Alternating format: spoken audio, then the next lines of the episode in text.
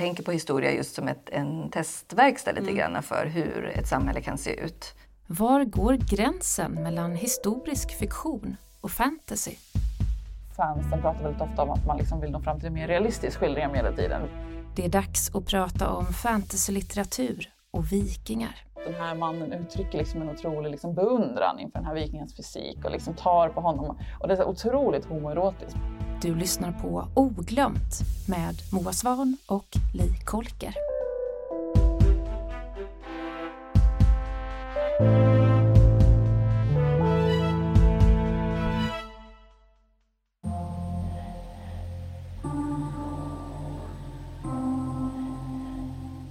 Vanlig fantasy känner vi som en romantiserad hjältehistoria, magiska världar som kan påminna om medeltiden och med tydliga gränser mellan gott och ont. Gritty fantasy däremot är en undergenre som slog igenom hos fantasyläsarna i början av 2000-talet. Den bröt mycket mot Sagan om ringen-typen av fantasy, klassisk fantasy eller high fantasy som den kallas. Gritty fantasy kan alltså vara smutsig och i en ny studie har Anna Bark Persson, forskare på Södertörns högskola, hittat nya bilder av vikingen i just denna genre av fantasy.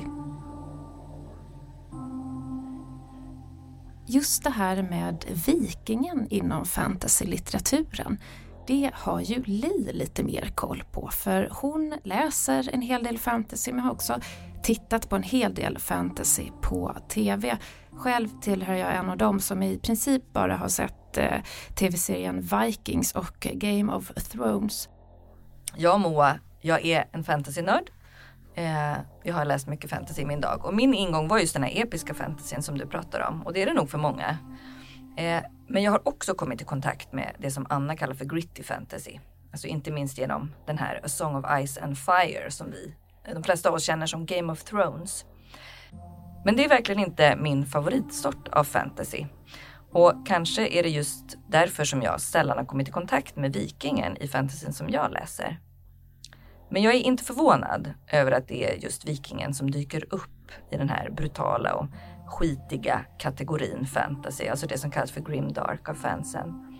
Vikingen gör sig väldigt bra som den här oböjliga, urstarka, men samtidigt opolerade och barbariska hjälten som inte drar sig för att våldta eller hacka sönder någon eh, och som inte är kräsmagad för när blod och kroppsvätskor flyger genom luften. Och faktum är att jag tror att personerna bakom serien Vikings måste ha läst en hel del grim dark fantasy. Det känns ju verkligen tydligt som att vikingen i den här gritty fantasyn och vikingen på TV, det är ungefär samma sorts karaktär. Eh, och bilden av vikingen på TV är ju mycket mer tillgänglig än den som finns i fantasylitteraturen tror jag. För fantasy är nog fortfarande något som ses som lite nördigt och udda och TV är liksom mer eh, för alla. Eh, och den här bilden av vikingen som vi hittar på TV, det är ju också den som många besökare tar med sig till Historiska museet nu. Eh, och där står vi och förtvivlat försöker berätta om vikingarnas fantastiska konsthantverk och deras poetiska berättande och deras färgglada och avancerade kläder och välansade frisyrer. Kort sagt helt andra saker än vad man får sig till livs, både i då eh, gritty fantasy och på TV. Eh, men samtidigt ska vi inte hymla med att de som vi kallar för vikingar var kapabla till brutalt våld och förfärliga övergrepp. Det vet vi ju.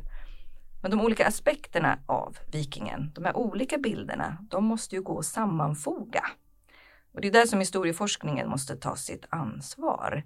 Att kliva fram med de nyanserade berättelserna. För fiktion är fiktion, men historia är ändå något annat. Och det är precis det som vi ska prata med Anna Bark Persson om nu. Men innan vi beger oss till Anna och Li på Historiska museet så vill jag bjuda in er till vår livepodd som vi kommer att göra på museet den 20 september klockan 18. Den kommer att sändas live på webben, men du får också gärna komma dit som publik. 20 september så blir det alltså oglömt live på museet. Nu ska vi lyssna på Li och Anna. Avhandlingen heter Still as the answer. Uh, Viking bodies, masculinity and power in anglophone fantasy literature. Uh, och sen då de årtal uh, som jag tittar närmare på, 2006 till 2016. Just det, precis. Så det handlar om fantasylitteratur, det handlar om Vikingen. Hur kom det sig att du valde det ämnet då, när du skulle skriva? Eh, ja, det finns väl lite, lite olika ingångar till det. Eh, framförallt så har jag väl länge intresserat mig av, för den här liksom, typen av litteratur framförallt på en subgenre som eh, jag refererar till som gritty fantasy. Och det jag intresserar mig för, det här är också en, en typ av, av, det som hörs ganska mycket på namnet, alltså gritty fantasy är att det är en ganska typ, brutal form av fantasy. Det man gör, det man liksom säger att man gör väldigt mycket och det som också sker i de här, i de här texterna är att liksom fantasy som, som genre har ju liksom, eller framförallt den här typen av klassisk genre fantasy, har ju väldigt länge varit väldigt inriktad på liksom medeltiden. Eh, och det här är ju ett arv från då Tolkien och liksom Sagan om ringen. Men där liksom medeltidsskildringarna har eh, varit i, i ett ganska liksom romantiskt register. Det har varit väldigt mycket det här ridderliga man liksom, eh, och, och rört sig liksom där. Man har också pratat om ibland om nostalgi och eskapism, liksom, att, att medeltiden framstår som liksom, eh, Eh, en värld med andra värden där liksom det fanns gott och ont som var tydligt definierat. Det fanns moral och liksom folk gjorde det som var rätt och så vidare. Och det här vänder sig de här liksom, eh, gritty fantasyförfattarna emot väldigt tydligt. Och här framstår istället medeltiden som mörk och brutal, blodig, våldsam och man intresserar sig väldigt mycket för liksom, eller det man gör väldigt mycket är att man istället för att gå till liksom hjältemotiv och liksom legender och liksom den här upphöjda hjälten som alltid gör det som är rätt så är man kanske mer intresserad av att försöka psykologisera det här eller liksom man pratar ofta, eller de här författarna och fansen pratar väldigt ofta om att man liksom vill nå fram till en mer realistisk skildring av medeltiden, vilket jag vänder mig ganska starkt emot. Men det man gör är att man vill liksom titta på vad skulle det faktiskt innebära att liksom leva i en sån här krigisk miljö. Och liksom, ja, men det är väldigt blodigt, det finns inga, inga lyckliga slut. Det finns liksom en väldigt stark cynism och liksom det finns väldigt mycket Ja, men det är liksom en ganska negativ bild av världen, av människan. Och om i tidigare fantasy ondskan liksom har kommit från ja, men verkligen från något, något ont, något dåligt, liksom, Sauron och så vidare, så är det här snarare att liksom det, det onda, det problematiska, det kommer liksom inifrån människan. Det är liksom människan i sig som är problemet, liksom människans dåliga sidor, människans liksom girighet eller maktfullkomlighet och så vidare. Um, och det här intresserar mig väldigt mycket också för att det finns i de här texterna ett väldigt, väldigt starkt fokus på maskulinitet. Det finns också Eh, återigen, det finns inte det här upphöjda utan det är, liksom, det är skitigt, det är smutsigt, det är jobbigt att vara man, det är blodigt, det är farligt, det är pissigt liksom, på olika sätt. Och det fanns också en diskussion om att de här texterna på olika vis kritiserade vad det är att vara man eller liksom tog, tog sig liksom an en kritisk blick på maskulinitet. Eh, vilket intresserar mig ganska mycket. Jag är väldigt intresserad av liksom, frågor kring och, och representationer framför allt av maskulinitet. Eh, men samtidigt som jag också kände att det finns något annat som händer här. Eh, och det var så jag liksom närmade mig den här litteraturen. Um, och vikingen skulle jag säga liksom är väldigt, väldigt central i det här. För vikingen är ju på många sätt en typ av liksom maskulinitetskonstruktion eller en idé om maskulinitet som liksom också är, eh, är men återigen ganska liksom upphöjd. Alltså det är liksom en typ av, vi har en idé om att vikingen är liksom en man som är för mer alla andra män. Eh, och det är ganska tydligt i det här materialet. Liksom. Eh, men det finns också andra intressanta aspekter av vikingen som att det, liksom, det är väldigt mycket kropp. Eh, det finns liksom eh, ja, men idén om vikingen som, som barbarisk. Så på, så på samma sätt, på samma gång som vikingen blir väldigt upphöjd och liksom på något vis eh, ja, men för mer än andra män så blir den på samma sätt också i, rent eh, systematiskt eller institutionellt i de här världarna ofta liksom underordnad andra typer av liksom karaktärer som kanske liksom är kungar eller liksom har, eh, besitter olika former av institutionell makt så har vikingen liksom i första hand sin kropp. Eh, och det intresserar mig väldigt mycket, liksom, de här, eh, skift, de här, liksom, den här komplexiteten. Eh, och som sagt att vikingen är väldigt central i det här materialet. Vikingen dyker upp mycket i populärkulturen mm. just nu överallt. Liksom. Men det är ju ganska mycket TV eh, och film. Och det är det som når oss och det är det som många besökare också kommer hit med. Att de har sett Vikings eller någonting annat och så kommer de med en bild av hur det ska vara. Eh, och jag som själv läser en del fantasy, jag har inte eh, stött på Vikingen så mycket där. Eh, men jag har tänkt på det också just när man säger så här, men det finns mycket i fantasy. Var då någonstans och hur då? Men det är jätteintressant, då har du tittat på det. Vi ska prata mer om det. Eh, men du skriver också då att, eh, och du var inne lite på det nu, att fantasy är spekulativ fiktion, mm. en sorts spekulativ fiktion. Eh, och du pratar också om liksom olika fördelar med det, eller kan man säga, möjligheter med den typen av fiktion. Kan du inte berätta lite vad det betyder och vad du menar med det? Ja, eh, alltså, eh, spekulativ fiktion är ju ofta någonting som används som paraplybegrepp där man liksom inordnar olika typer av, av framförallt litterära genrer men också andra typer av media eh, som på olika vis har att göra med det, med liksom det spekulativa men också det som liksom inte är verkligt. Eh, liksom det kanske, man använder det kanske oftast om science fiction-litteratur och liksom närliggande genre och fantasy inordnas ofta under den här liksom rubriken men att man kanske inte riktigt... För idén med liksom spekulativ fiktion är ju att det är fiktion som handlar om liksom tankeexperiment där man liksom spekulerar kring och väldigt tydligt liksom tar ett avsteg från hur det är nu och spekulerar om liksom hur det kunde vara liksom genom litteraturen eller genom eh, ja, film eller tv eller vad det kan vara.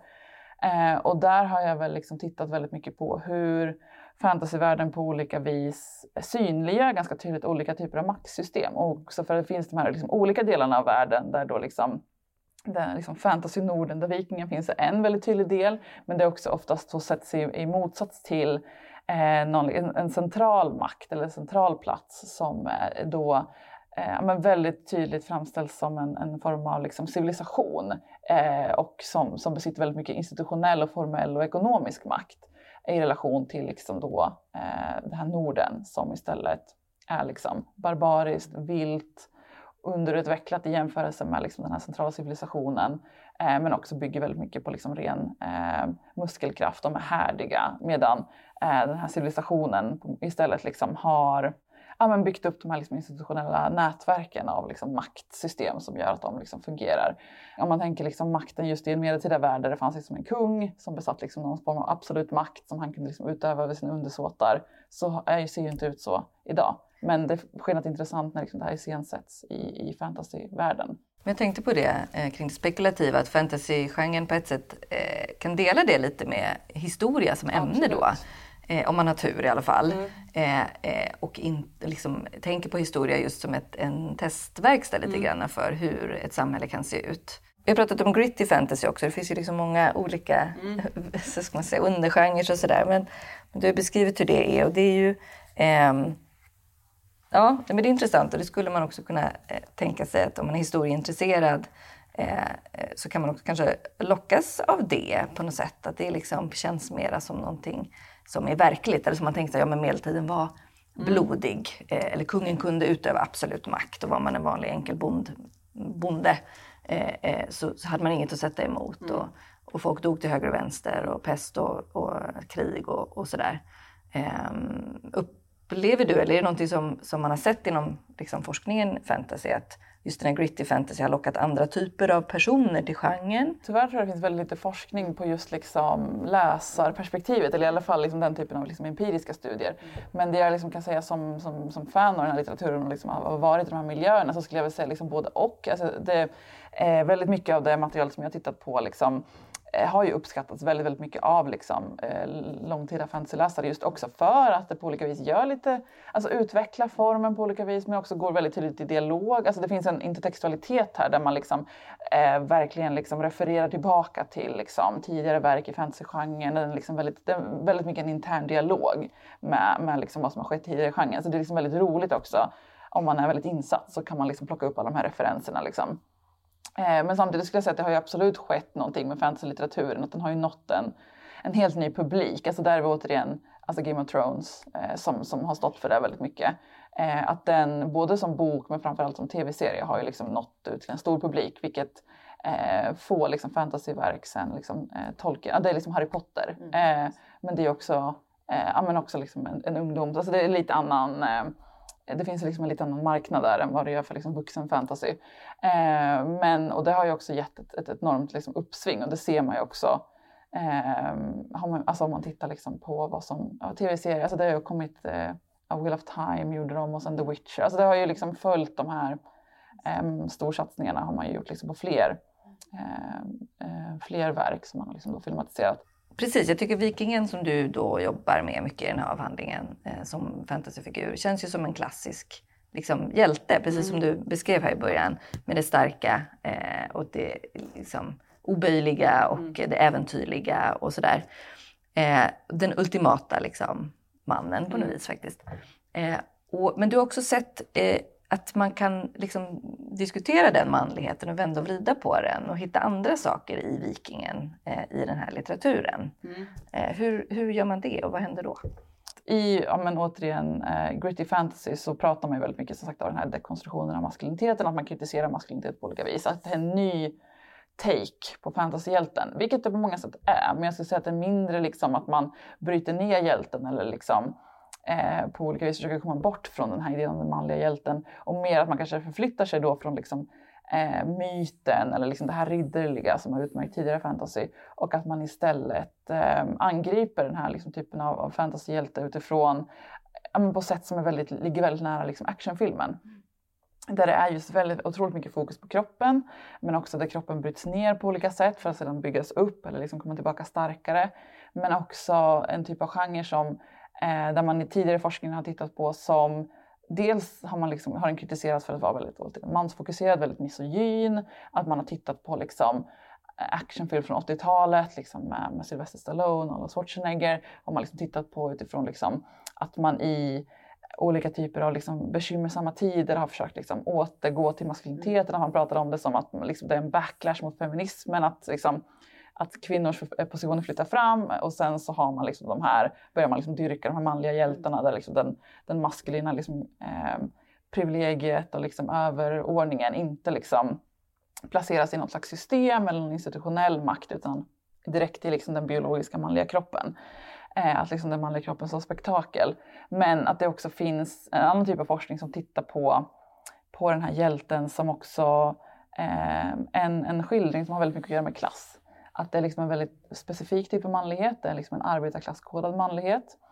Eh, och också en typ, eh, det är också berättelser där den här kroppen ofta får stå i centrum för berättelser och liksom diskussioner kring just makt och maktlöshet. Att det är den här otroligt maktfullkomliga kroppen som liksom ser helt obryt, alltså den är liksom helt oböjlig, den är så stark, så massiv, så opåverkansbar och så våldsam. Liksom. Men samtidigt så sårbar och exploaterad av liksom, olika typer av, av strukturer i samhället.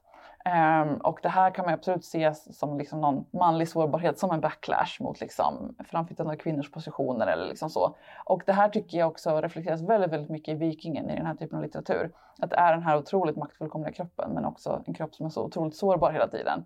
Uh, och också som utsätts för, för saker av liksom olika former av, av institutionella maktstrukturer, från kungar, från liksom militära och som hela tiden på något vis på samma gång blir sårbar men också på grund av att den är så maktfullkomlig och liksom autonom kan också existera utanför dem. Så de liksom, den existerar i ett väldigt intressant läge och på, må på många sätt var en fantasi om autonomi och självständighet samtidigt som den hela tiden ut, den här autonomin hela tiden hotas och problematiseras Eh, men samtidigt ofta så slutar det i att liksom vikingen ändå står liksom pall. Eh, men det som också sker väldigt tydligt i mitt material är att den här vikingakroppen eh, också på grund av att den är så otroligt manlig och det är liksom också så här, den, den här vita manligheten, den liksom är väldigt associerad med heterosexualitet och, och, och återigen den här otro, ofantliga liksom, kroppsstyrkan så gör det också att liksom, det är uppenbart att författarna kan göra saker med den här manliga kroppen som de inte kan göra med andra manliga kroppar för det skulle vara för hotfullt att hota den här maskuliniteten. Men vikingen är så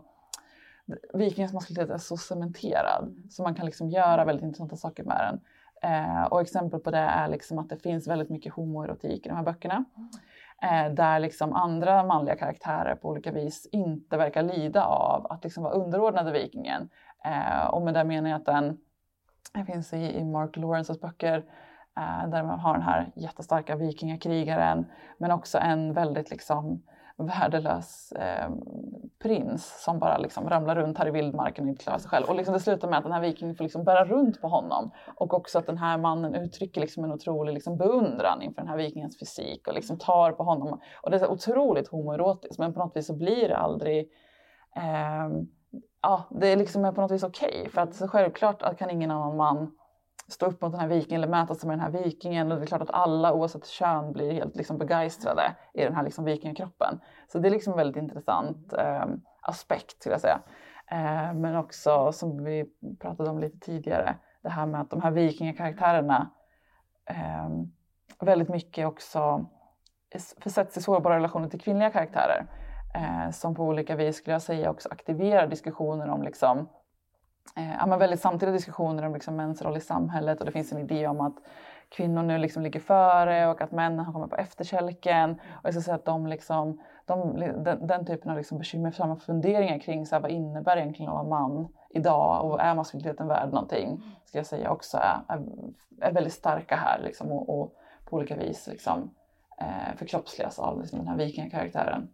Kan det påverka hur den här figuren, vikingen, man ser honom i andra sammanhang också inom historieforskning eller Ja, men det tror jag absolut. Och det positiva är väl med det här så sätt att på samma sätt som den här idén om liksom vikingamanligheten är så cementerad eh, och liksom fortsätter vara där så skulle jag säga att det som är intressant tycker jag med, med det här materialet är ju också att det visar ganska mycket på att att vikingen också är otroligt liksom föränderlig. För att det är ju så, även om, om vissa liksom aspekter går igen så är det uppenbart att vikingen, liksom, våra idéer om vikingen bygger liksom inte på någon slags här, jag vet inte, transhistorisk idé om vad vikingen faktiskt var eller baserat på, på fakta om vikingen. Utan det, handlar väl, det är ju väldigt tydligt att det är en konstruktion som svarar mot liksom samtida behov eh, hela tiden. För att den här viking, alltså just det faktum att det finns de här liksom väldigt tydliga queer-aspekterna, det skulle man ju kanske inte se. Alltså, det skulle, alltså man skulle absolut kunna göra liksom queer-läsningar av äldre material. Men den här typen av liksom väldigt så här, tydligt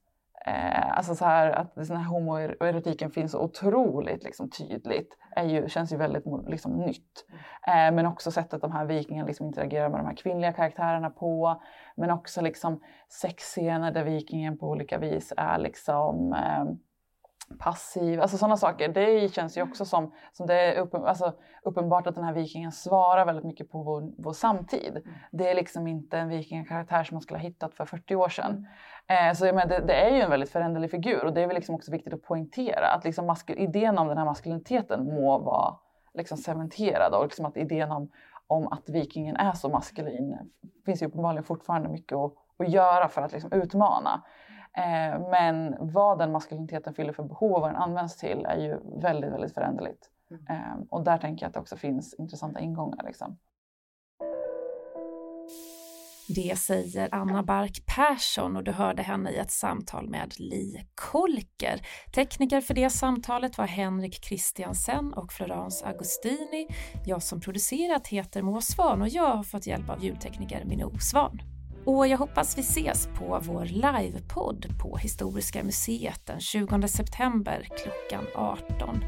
Biljettlänk hittar ni på historiska.se.